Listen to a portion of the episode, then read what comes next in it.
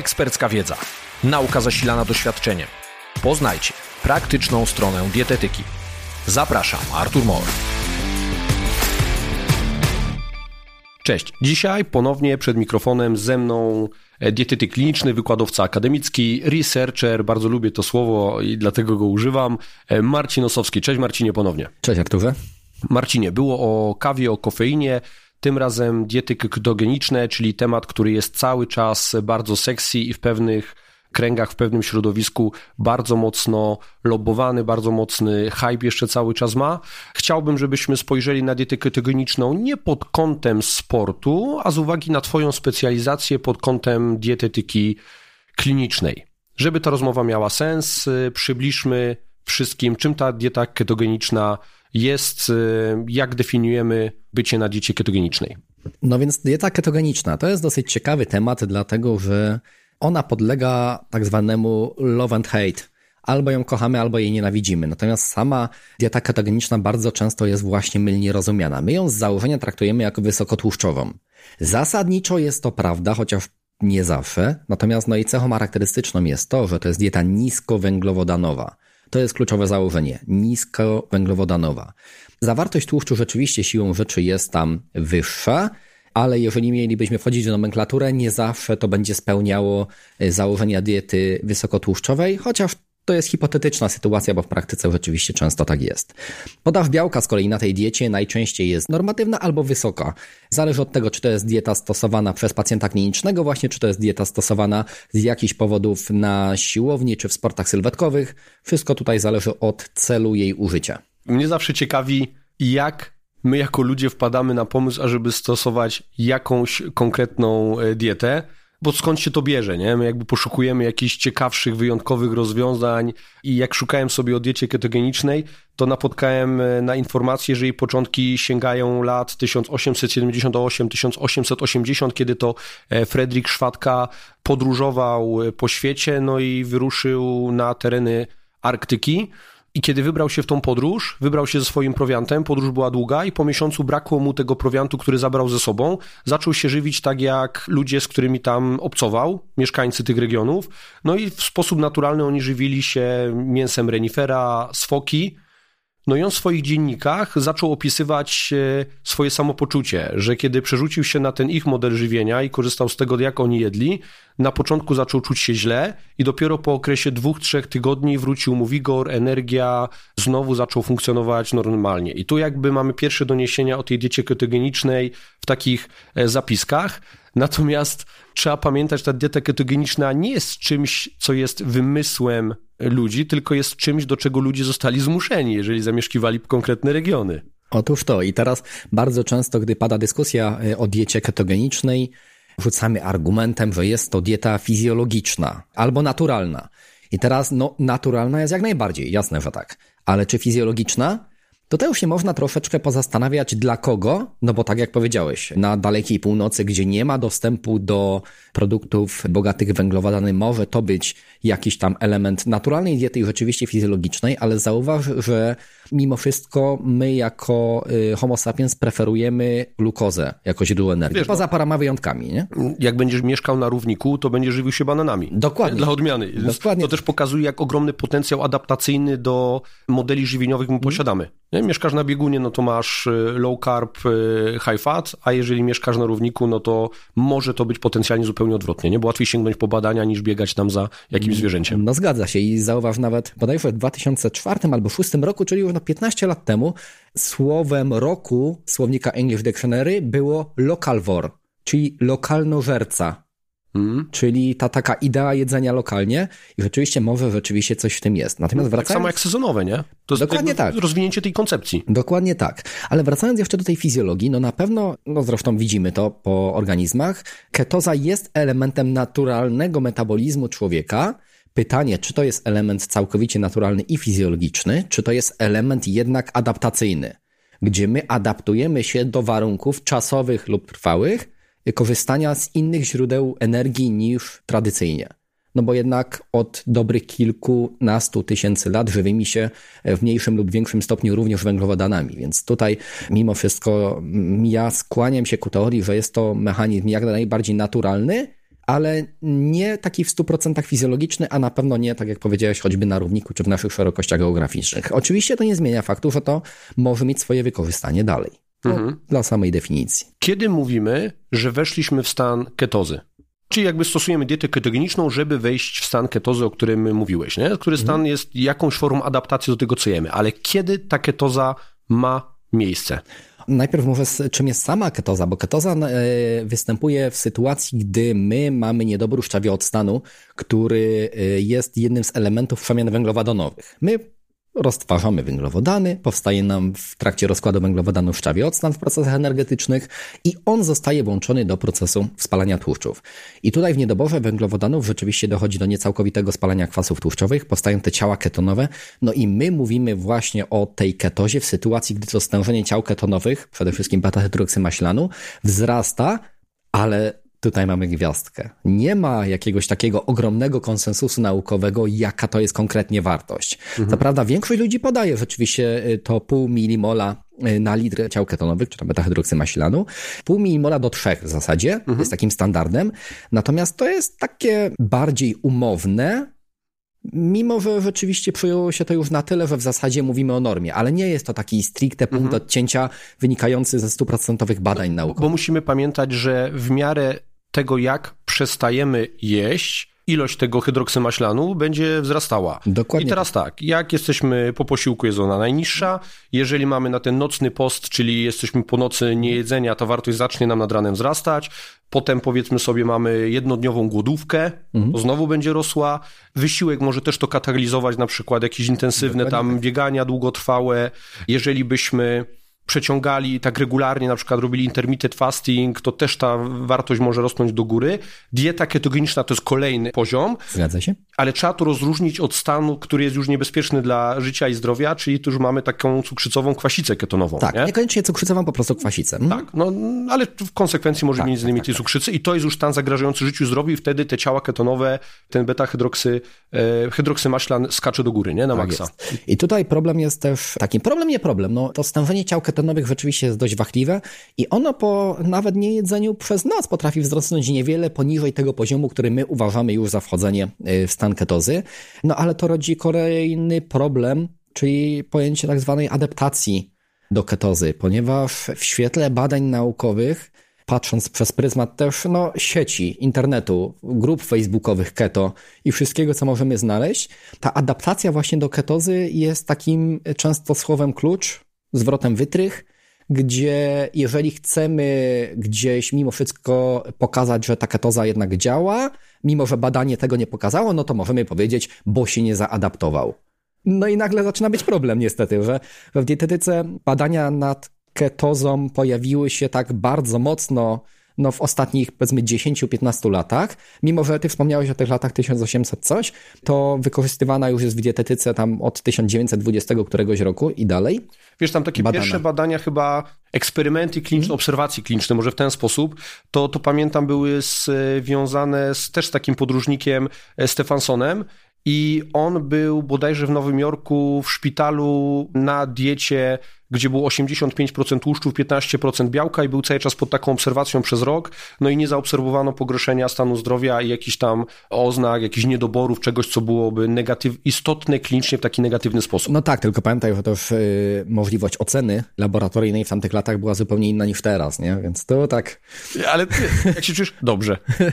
ale wiesz co, to jest bardzo no, częsty problem. No, po co roztrząsać? Ale, no, ale dokładnie tak i to jest bardzo częsty problem, bo wiele badań w impaktowych czasopismach, impaktowych, jest robiona za pomocą kwestionariusza, gdzie pacjent odpowiada, jak się czuł. I wiesz, i to jest, no, to jest teraz, jak sobie to wziąłbym na taką mikroskalę, czyli swoje lokalne środowisko klubu, mhm. to każde wprowadzenie każdej diety, czy diety ketogenicznej, czy takiej e, diety wegańskiej, najlepiej wzmocnionej przekazem chociażby tego o niechlubnej chwale paradokumentu Game Changer, tak ono powoduje bardzo taki duży wydźwięk na tą lokalną społeczność, która zaczyna to stosować i oni się pozytywnie nakręcają. Mm. Czyli de facto oni czują się dobrze nie z uwagi na tą dietę, tylko na ten stan, że ją stosują, że się nakręcają, że nagle szukają pozytywów w tym, co robią. Nie? Taki no, jego tak. błąd potwierdzenia, ten confirmation bias. Nie? Wszedłem na to, mam się dobrze czuć i tak się czuję. Pytanie, jaki był punkt wyjścia, no bo jeżeli jedliśmy w McDonaldzie, a teraz nagle przeszliśmy na keto, albo przeszliśmy na post yy, przerywany, albo przeszliśmy na dietę doktor Dobrowskiej, albo przeszliśmy na dietę wegańską, albo na dietę, nie wiem, doktora Haja, no to prawdopodobnie i tak będziemy się lepiej czuć, skoro zmieniliśmy swoje złe nawyki żywieniowe. Na nawet coś lepszego. Na coś lepszego. Niech to będzie 2% lepsze, 5% lepsze, ale jak dołożymy jeszcze do tego ideologię, no a wiemy, że jednak psychika ma wpływ trochę na, e, na, na ciało, tak? No to tutaj naprawdę możemy się lepiej czuć. Mało tego, może się nawet nie, mogą się nawet niektóre parametry nasze poprawić, nie? Tym bardziej jak wcześniej było bardzo źle. Mhm. Także ja, broń Boże, bo kiedyś byłem takim bardzo przeciwnikiem keto, byłem jeszcze takim gołowąsem naukowym, i ktoś powiedział keto, mówiłem ble. Ale keto według mnie może być w nauce narzędziem, może być w sporcie narzędziem, które możemy wykorzystywać do różnych mądrych rzeczy. Ja bym je porównał chyba do siekiery. I teraz, jeżeli chcesz porąbać drewno, to siekiera jest genialnym narzędziem. No ale jak chcesz obrać ogórka? Niekoniecznie, nie? Niekoniecznie, więc tutaj myślę, że też troszkę e, na początku zaznaczmy, że nie chcemy generalizować tej keto w takim, wydawałoby się, evidence-based nastawieniu, że to musi być zło. Nie, to nie musi być zło. Ja będę ci ciągnął za język w kontekście tej dietetyki klinicznej, bo mm. tam jest kilka takich rzeczy, które z mojego, z mojej perspektywy jako takiego e, laika mają potencjał, ale to mm. zaraz do tego sobie dojdziemy. Wróćmy jeszcze do tego, o czym rozmawialiśmy, czyli zanim wejdziemy w ten stan ketozy, to mogą pojawić się takie niekorzystne, niepożądane objawy. Mhm. Możemy czuć się słabo, możemy mieć problemy ze snem, możemy po prostu czuć się źle mhm. na wielu płaszczyznach. I z czym to jest związane? Y, no właśnie z tą zmianą metabolizmu, z metabolizmu glukozy na metabolizm ciał ketonowych, gdzie my je zużywamy nagle jako źródło energii. Natomiast też zauważ, zmienia się cała nasza dieta.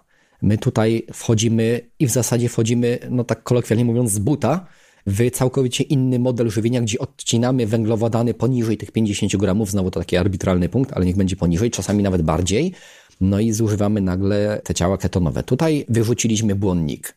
Nie mamy glukozy, więc tracimy glikogen. Mhm. Z tym się wiąże utrata pewna wody.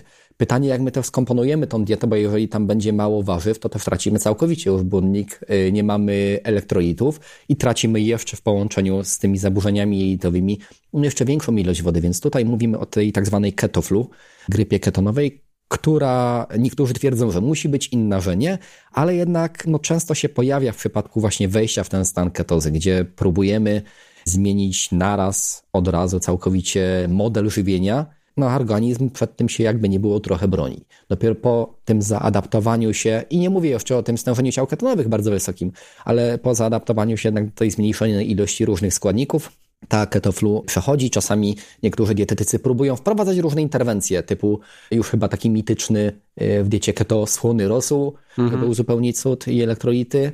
Właśnie, tak... bo czego tam mamy, jakich mikroelementów e, możemy mieć niedobory? Witaminy z grupy B, witamina C, magnez, potas?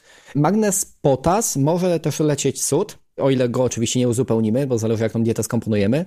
Foliany bardzo uciekają, no mhm. chyba, że wrzucimy dużo ilości wątróbki, to nam ucieka no dosyć sporo tych składników mimo wszystko i to chyba dotyczy każdej diety, że my nie myślmy o tym, jak ta dieta się nazywa, tylko pomyślmy, co wykluczyliśmy, czyli jakiś produkt i co wyleciało z tym produktem, nie? To mhm. nam będzie rodziło te wszystkie skutki i konsekwencje tego elementu. Poza tym, choćby ten ból głowy często na ketoflu może wynikać z najprostszego odwodnienia. Nie trzeba mieć wcale biegunki, żeby być odwodnionym. Czasami mamy tak, że po prostu nie piliśmy cały dzień, boli nas głowa. No, no to jest naturalny mechanizm, więc mhm. tutaj też nie jest to jakiś wielki problem, żeby uzupełniać tą wodę z elektrolitami i gdzieś tam próbować yy, zapobiegać. No ale jednak jest to trudny proces adaptacji. On mhm. bardzo często wielu ludzi zniechęca do keto i zwyczajnie z niej rezygnują wtedy. Mhm. No też tą keto można robić lepiej, gorzej, nie? Czyli mhm. taki podam Och. przykład. No jeżeli możesz zrobić to tak, jak czasami się promowało gdzieś tam w mediach, czyli możesz połączyć jajka z boczkiem i z masłem, nie? I to jest taki rzeźnik.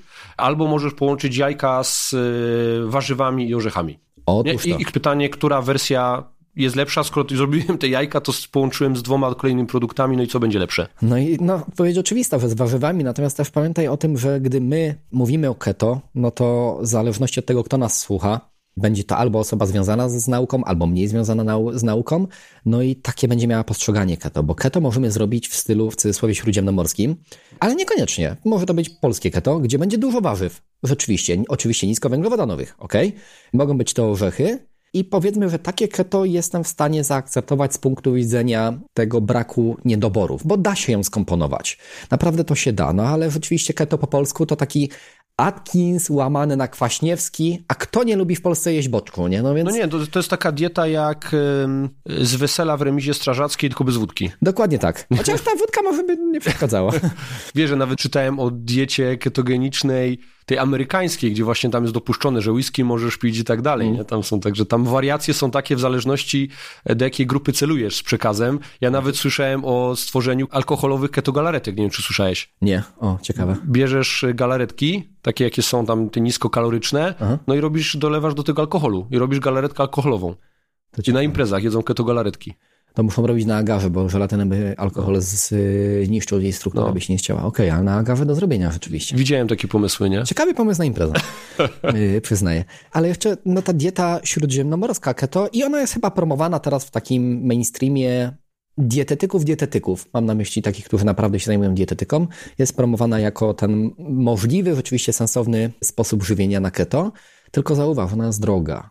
Mm. Tam są produkty niesamowicie drogie. Patrząc na ceny żywności, no naprawdę, żeby jeść te orzechy, jeść to awokado, jeść łososia, jeść te produkty, które chcielibyśmy, żeby były na zdrowej keto, musimy mieć dosyć sporą zasobność portfela. No a to często jest problem. Mimo wszystko, wartość nabywcza pieniądza w kontekście spożywczym w Polsce szczególnie jest mm, umiarkowana, więc to wydaje mi się czasami powoduje, że idziemy w to tańsze keto. To tańsze równa się mniej zdrowe. Mhm. Warzywa też są drogie.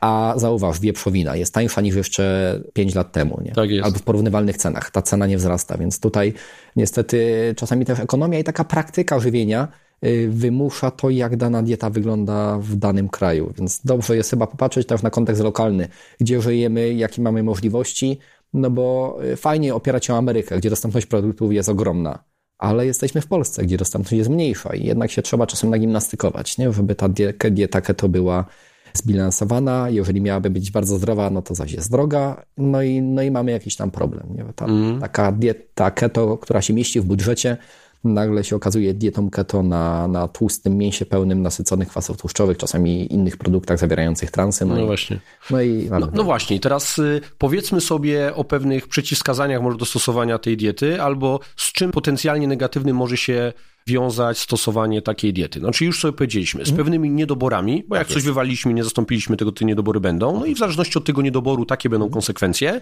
Na pewno może skoczyć nam y, może zwiększyć się stężenie tej lipoproteiny o małej gęstości, mhm. czyli tego cholesterolu LDL. Mhm. Co jeszcze się może podziać na takiej diecie? Tutaj z tymi niedoborami zapomnieliśmy o wapniu. Że, y, tak, co prawda, nie? Tak, y, że nabiał co prawda nie jest jakoś bardzo wykluczony w, znaczy jest wykluczony w keto, bo zawiera węglowodany, nie? zawiera laktozę. I ewentualnie niektóre wersje dopuszczają spożycie oczywiście w ograniczonej ilości serów dojrzewających, sera żółtego, y, no ale już mlekiem tutaj za bardzo nie popijemy. Więc ten wapń często to jest niedoborowy no odpadają nam strączki jako inne źródło wapnia, no bo też mają dużo węglowodanów, więc ten wapń na pewno. Powiedziałeś o stężeniu LDL. cholesterolu, tak, tak. E, lipoproteinie frakcji LDL. Tutaj często pada kontrargument, że, że wzrasta mi HDL. No tylko halo hola, jesteśmy w roku 2022 i wiemy, że no, e, stosunek LDL-u do HDL-u nie do końca jest dobry prognostycznie.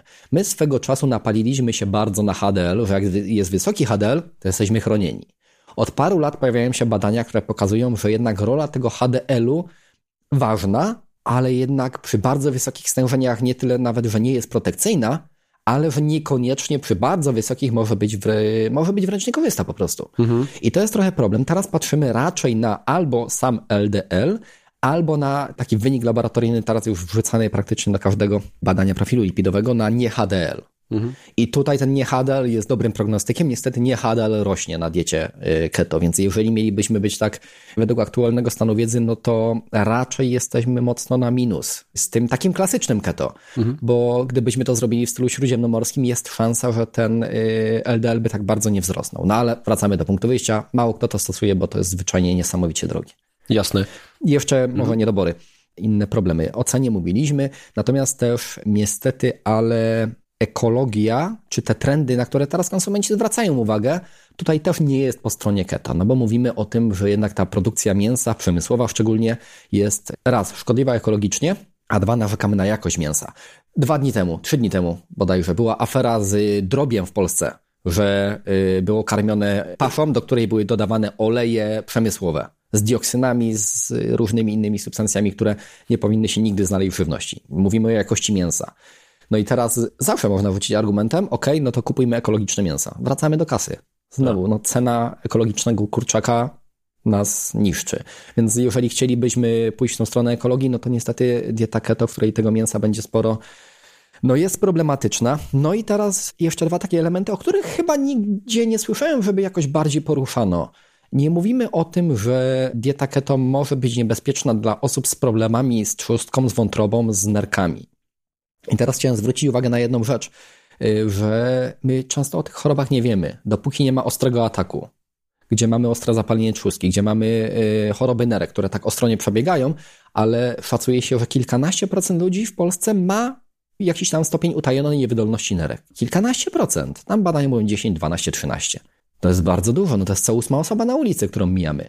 No i nagle ta osoba przechodzi na dietę keto, jeżeli ona nie jest ułożona przez dietetyka, to najczęściej będzie się opierała o duże ilości mięsa, niestety, a mniejszej ilości warzyw, co oczywiście nie musi tak wyglądać. Ta dieta może być dobrze zbilansowana, znaczy skomponowana. Mhm.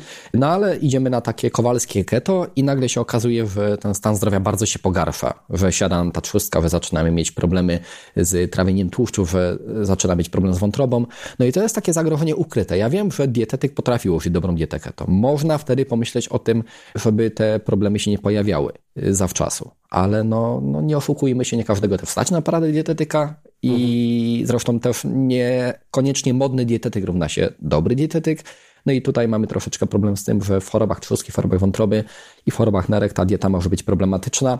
Jeszcze zastanawiam się, ale to też bardziej mięsna dieta keto nad yy, stężeniem kwasu moczowego, gdzie jednak wzrost tego stężenia jest o tyle problematyczny, że no niestety też w Polsce mamy dosyć często problemy, czy to z dną moczanową, czy z kamicą moczanową i i to też raczej może wpływać niekorzystnie, jeżeli byśmy rozpatrywali jakieś tam przeciwwskazania. Okej, okay. teraz może tu jakiś e, pozytywny akcent, bo już teraz ja mówię, aha, okay. dobra. To jeżeli już mhm. przeżyjecie na tej diecie keto, to może też również was coś potencjalnie dobrego spotkać. Powiedzmy sobie o tych potencjalnych korzyściach. Tak, no może, może nas spotka to, że będziemy sobie mieszkali na Antarktydzie i jedli foki. To myślę jest całkiem dobry pozytyw. Ale pomijając to, no, to chyba stało się modne z powodu y, szybkiej redukcji masy ciała. I rzeczywiście. Zwłaszcza na początku. Tak, ale, czym, na początku. Ale, ale, czym ta redukcja na początku może być? No, biegunką. Biegunką, sam powiedziałeś, nie? Czyli spożycie Dokładnie tak. węglowodanów tak. będzie też y, nam wzmagało retencję wody, nie? Tam Dokładnie przeliczniki tak. są tak, mhm. tak, tam ja wyprowadziłem z błędu, jeżeli teraz powiem nieprawdę, ale mhm. 1 gram węglowodanów jest w stanie tam wiązać około 3 gramy wody, tak? Tak, tak, tak jest... dokładnie. 3, niektórzy mówią 4, niektórzy 2,7, tak, w tych. Okej, okay, około 3 gramów, nie? Czyli mhm. już teoretycznie mniejsze spożycie węglowodanów, to już ta retencja wody będzie mniejsza, Dokładnie. do tego poziom glikogenu nie mhm. będzie na takich wartościach jak na diecie jakiejś high carb. Jeżeli ta dieta ketogeniczna jest dietą redukcyjną, a najczęściej taka owa mhm. jest, to spożycie tego, tej kaloryki będzie mniejsze, e, w tym przewodzie pokarmowym tego pokarmu będzie po prostu mniej.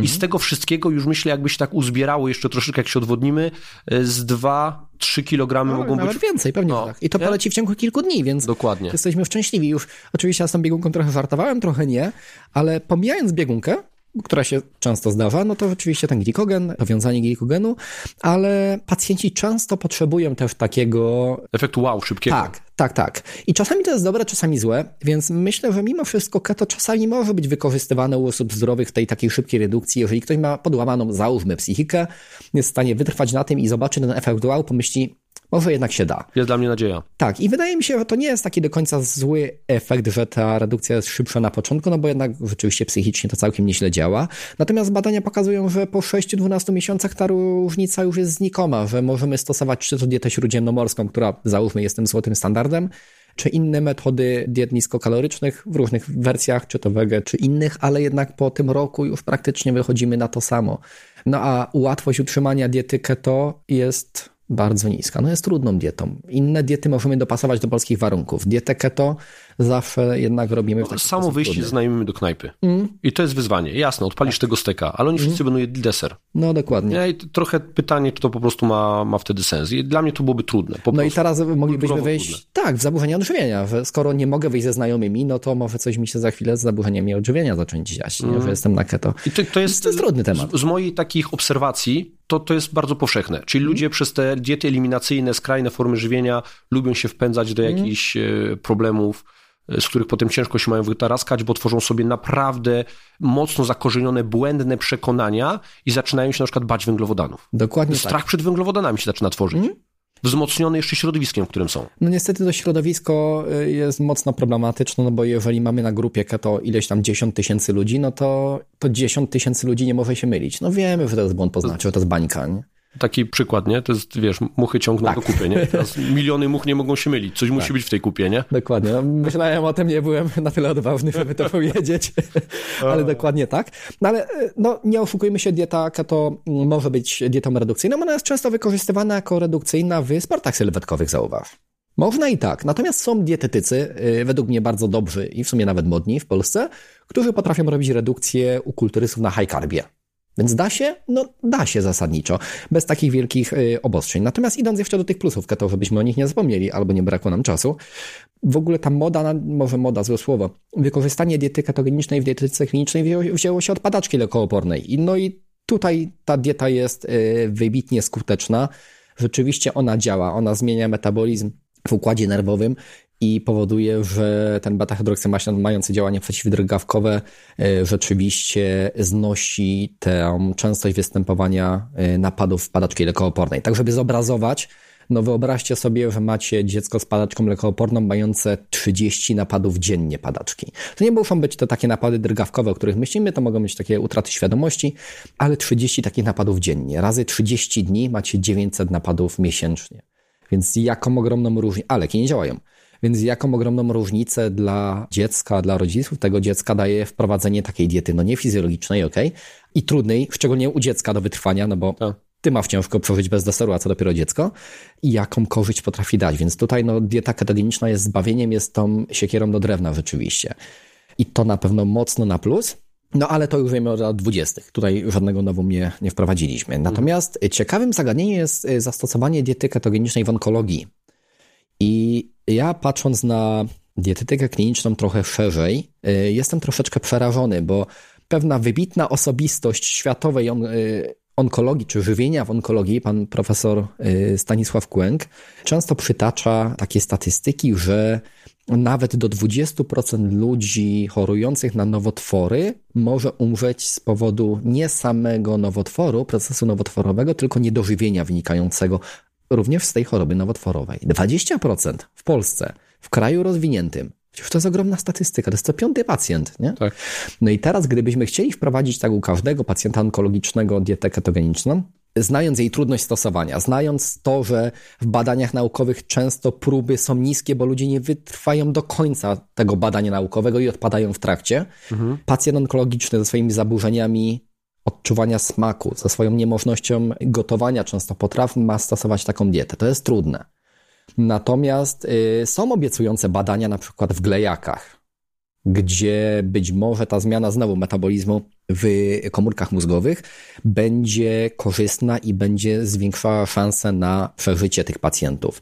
Więc to nie jest tak, że nie wolno stosować dieto, y, diety keto, przepraszam, w nowych, niektórych nowotworach, ale no raz, musi to być poprzedzone rozpoznaniem, jaki to jest konkretnie nowotwór. Nie w każdym nowotworze. No w nowotworze trzustki sobie nie wyobrażam na przykład. Będzie ogromny problem, tym bardziej, że mam doświadczenie też rodzinne z nowotworami trzustki i, i to jest no, ogromny problem niedożywienia ale też ta dieta ketogeniczna może być wprowadzana oczywiście pod kontrolą i najczęściej to są projekty badawcze y, w niektórych typach nowotworów. No najczęściej mimo wszystko do tej pory to były glejaki i tutaj ta nauka się gdzieś rozwija, no ale pamiętajmy dalej o tym niedożywieniu. No, tutaj. jak ja sobie robiłem taki szybki przegląd literatury przed naszą rozmową, hmm. to faktycznie powołując się na przeglądy systematyczne, znalazłem taki z 2018 roku e, właśnie w kontekście używania, wykorzystania diet ketogenicznych e, u pacjentów nowotworowych, dorosłych pacjentów nowotworowych, no i tam te wyniki są takie konfliktujące, nie? Czyli tutaj brakuje takiej wystarczającej ilości badań, żeby móc poczynić konkretne wskazania i być za nie pewnym, nie? Czyli no jest... tak, tym bardziej, że nie mówimy o tym, czy ktoś przebiegnie maratoną 5 czy 10 minut szybciej czy wolniej, tylko mówimy o tym, czy ktoś przeżyje albo umrze.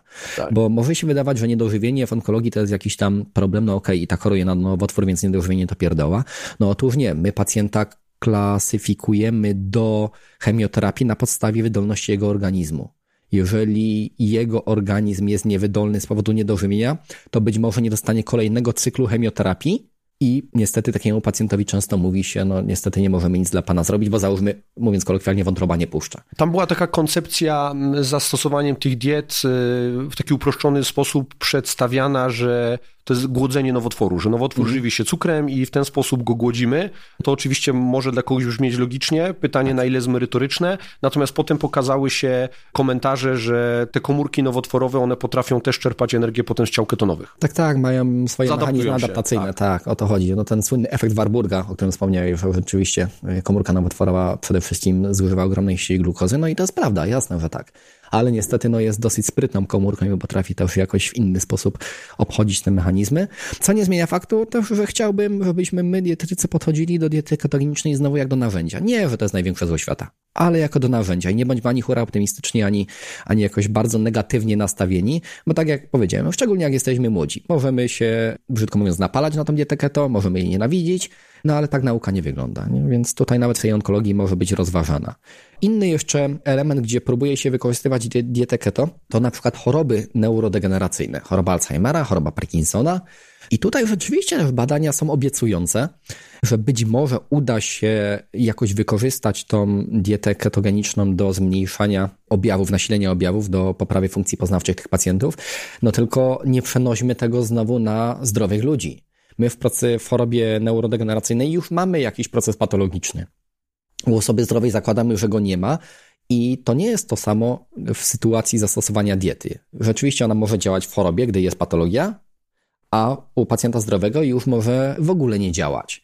Więc to też jest takie bardzo częste przenoszenie, że skoro poprawia funkcje poznawcze u pacjentów z Parkinsonem, to jak ja będę jadł keto, to będę lepszym, nie wiem, maklerem giełdowym, bo będę lepiej kojarzył. No, A tak... to jest często argument. E, tak. To ludzie Mówią, nie, jak masz wymagającą pracę psychiczną, mm. to musisz być na keto, nie? Bo to jest tak jak w tym filmie Limitless, zyskasz mm. nadprzyrodzone e, Dokładnie umiejętności. Tak. NZT. Tak. No niestety to nie do końca tak działa, albo nie u każdego też, bo pamiętajmy, że jesteśmy jednostkami i myślę, że ta nutrigenomika, nutridietetyka będzie, będzie gdzieś tam funkcjonowała Nutridietetyka, to powiedziałem niestety jakieś słowo, które nie istnieje, ale okej. Okay. E, Nutrigenomika będzie dobrze e, się rozwijała i może tam rzeczywiście na podstawie naszego genomu będziemy mogli u większej ludzi to keto zalecić, nawet choćby w celu tej poprawy funkcji poznawczych. No ale na razie, póki to w taki, badamy w taki sposób, a nie inny, może to być problem. Ale modne jest bardzo stosowanie diety keto w zaburzeniach gospodarki węglowodanowej. Ma w cukrzycę, idź na keto, nie będziesz musiał brać insuliny. Mhm. Super, mhm. fajnie. No ale jak e, wiemy, oczywiście to nie, nie do końca tak prosto wygląda. I mimo, że słyszałem o takich dowodach anegdotycznych, że ktoś tam z cukrzycą typu drugiego przeszedł na dietę ketogeniczną i mógł zrezygnować z insuliny, no jak sam powiedziałem, jest to dowód anegdotyczny, nie do końca wiem, czy to prawda, ale co ciekawe, nawet w wytycznych już polskich zaleca się, albo inaczej, dopuszcza się wprowadzenie diety niskowęglowodanowej. Uwaga, niskowęglowodanowa to nie znaczy keto. W czasowym leczeniu zaburzeń właśnie wydzielania insuliny. I to jest ciekawe, myślę, że to też jest jakieś tam narzędzie. Oczywiście wszyscy zwolennicy keto stwierdzili, o widzicie, nawet towarzystwa już tutaj tak działają. No to nie jest to samo. Dieta niskowęglowodanowa to niekoniecznie jest keto. A wracamy do tego punktu znowu, jak ta dieta będzie wyglądać. Mhm. Y, wróćmy choćby do insulinooporności. No, szacuje się, że większość przypadków insulinooporności, tej takiej klasycznej, czyli wynikającej ze środowiska, tak, tej tak zwanej pozreceptorowej, wynika z tego, że y, jesteśmy przeładowani energetycznie. No więc jeżeli na tej diecie keto będziemy przeładowani energetycznie, no to pytanie, jak to będzie wpływało na tą insulinooporność, a jeszcze jak będziemy mieli nasycone kwasy tłuszczowe, które mogą mieć działanie prozapalne na tej powiedzmy tańszej diecie keto, no to nie spodziewałbym się jakichś rewelacyjnych rezultatów. Oczywiście insulina pewnie spadnie na początku, przynajmniej, no bo to jest tak, jakbyśmy puścili gaz w samochodzie i dziwili się, że nam hamuje samochód, że zwalnia. Ale jednak y, tutaj to dalej jest perspektywa dalszych badań, tym bardziej, że sam wspomniałeś o tym, o kwasicy ketonowej w cukrzycy, nie? Tak. Że tutaj ci pacjenci są pacjentami szczególnego ryzyka i trzeba bardzo mocno ich monitorować.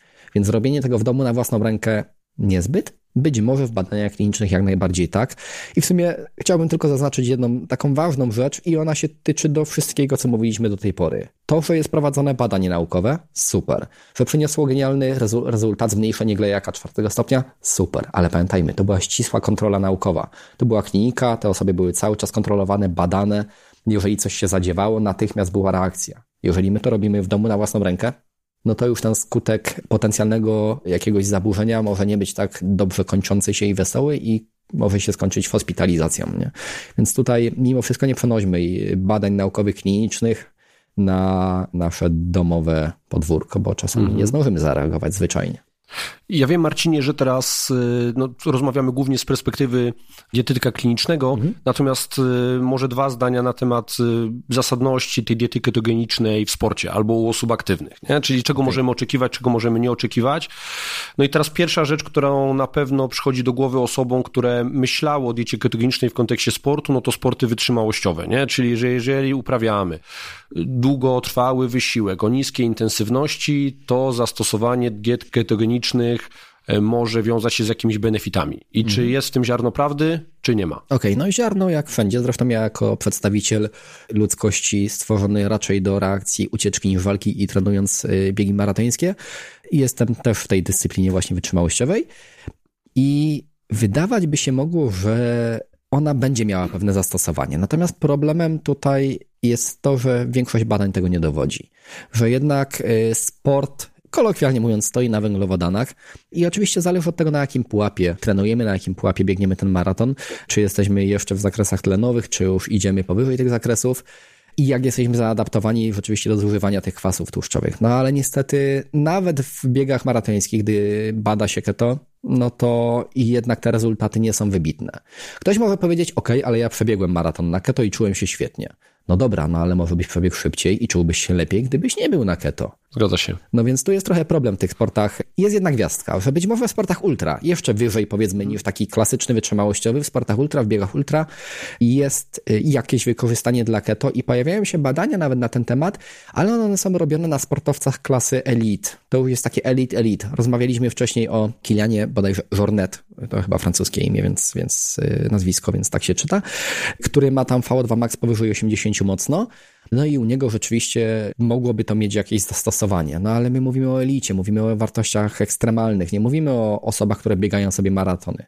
No kilka dni temu był Silesia Maraton, kilka tysięcy uczestników, Wyobraźmy sobie, co by było, gdybyśmy zastosowali im wszystkim keto, zamiast ładowania tak, węglami. No, nawet już to umiejscowili w kontekst tych, tej niskiej intensywności wysiłku, to problem jest taki, że taka generalna populacja, która bierze się za bieganie, takie długodystansowe, to oni biegają w e, tych średnich strefach tętna albo wysokich, czyli de, de facto oni cały czas lecą na, na beztlenie, nie? tak sobie mhm. już kolokwialnie mówiąc, bo myślą, że to ma u nich sens, robią to intuicyjnie, a to jednocześnie związane jest z tym, że oni będą przede wszystkim czerpali z e, węglowodanów. Nie? Otóż to zresztą to nawet mój trener biegania kiedyś e, wspomniał, że no mam biegać wolno, 120, 125, 130 tętno, jeżeli chcę sobie tam budować bazę. Nie będę wchodził w treningi, bo to nie moja działka, natomiast to on był trenerem, więc jego słuchałem. No i dla mnie to było nudne. Ja musiałem żonę brać do biegania, żeby biegać takim tempem, bo inaczej bym biegł szybciej. Pozdrawiamy żonę. Pozdrawiamy żonę. E, tak? To jak zabrzmiał, musiałem brać żonę do biegania, żeby tak wolno biegać. Okej, okay, dobra, to w ramach budowania relacji małżeńskiej takie tam. Dobra. No.